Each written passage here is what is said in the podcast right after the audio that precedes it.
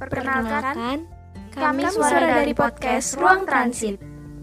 Di mana ruang transit adalah ruangan untuk kita bersama-sama menyampaikan apa yang ingin kita sampaikan, entah itu cerita bahagia, galau, hingga perjalanan hidup sekalipun.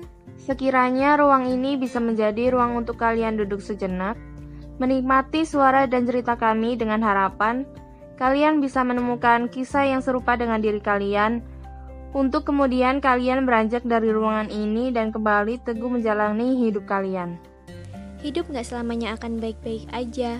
Jadi, yang bisa kita lakukan adalah duduk sejenak, biarkan pikiran kita istirahat sejenak. Kami akan temani istirahat kalian di ruang transit ini. Selamat beristirahat sejenak di ruang transit.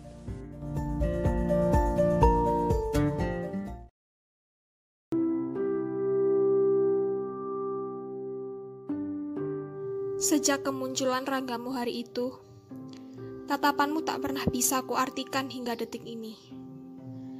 Hayal minta jantung dengan terus memunculkanmu. Semesta tahu perasaanmu, makanya ia terus mengirimu pada ceritaku. Dan entah kapan tepatnya, waktulah yang memberitahuku. Rasa tumbuh atas nama kita berdua. Waktu terus membesarkan rasa itu. Hati kita mencari jalan agar bertemu tapi tak pernah ditemuinya jalan itu.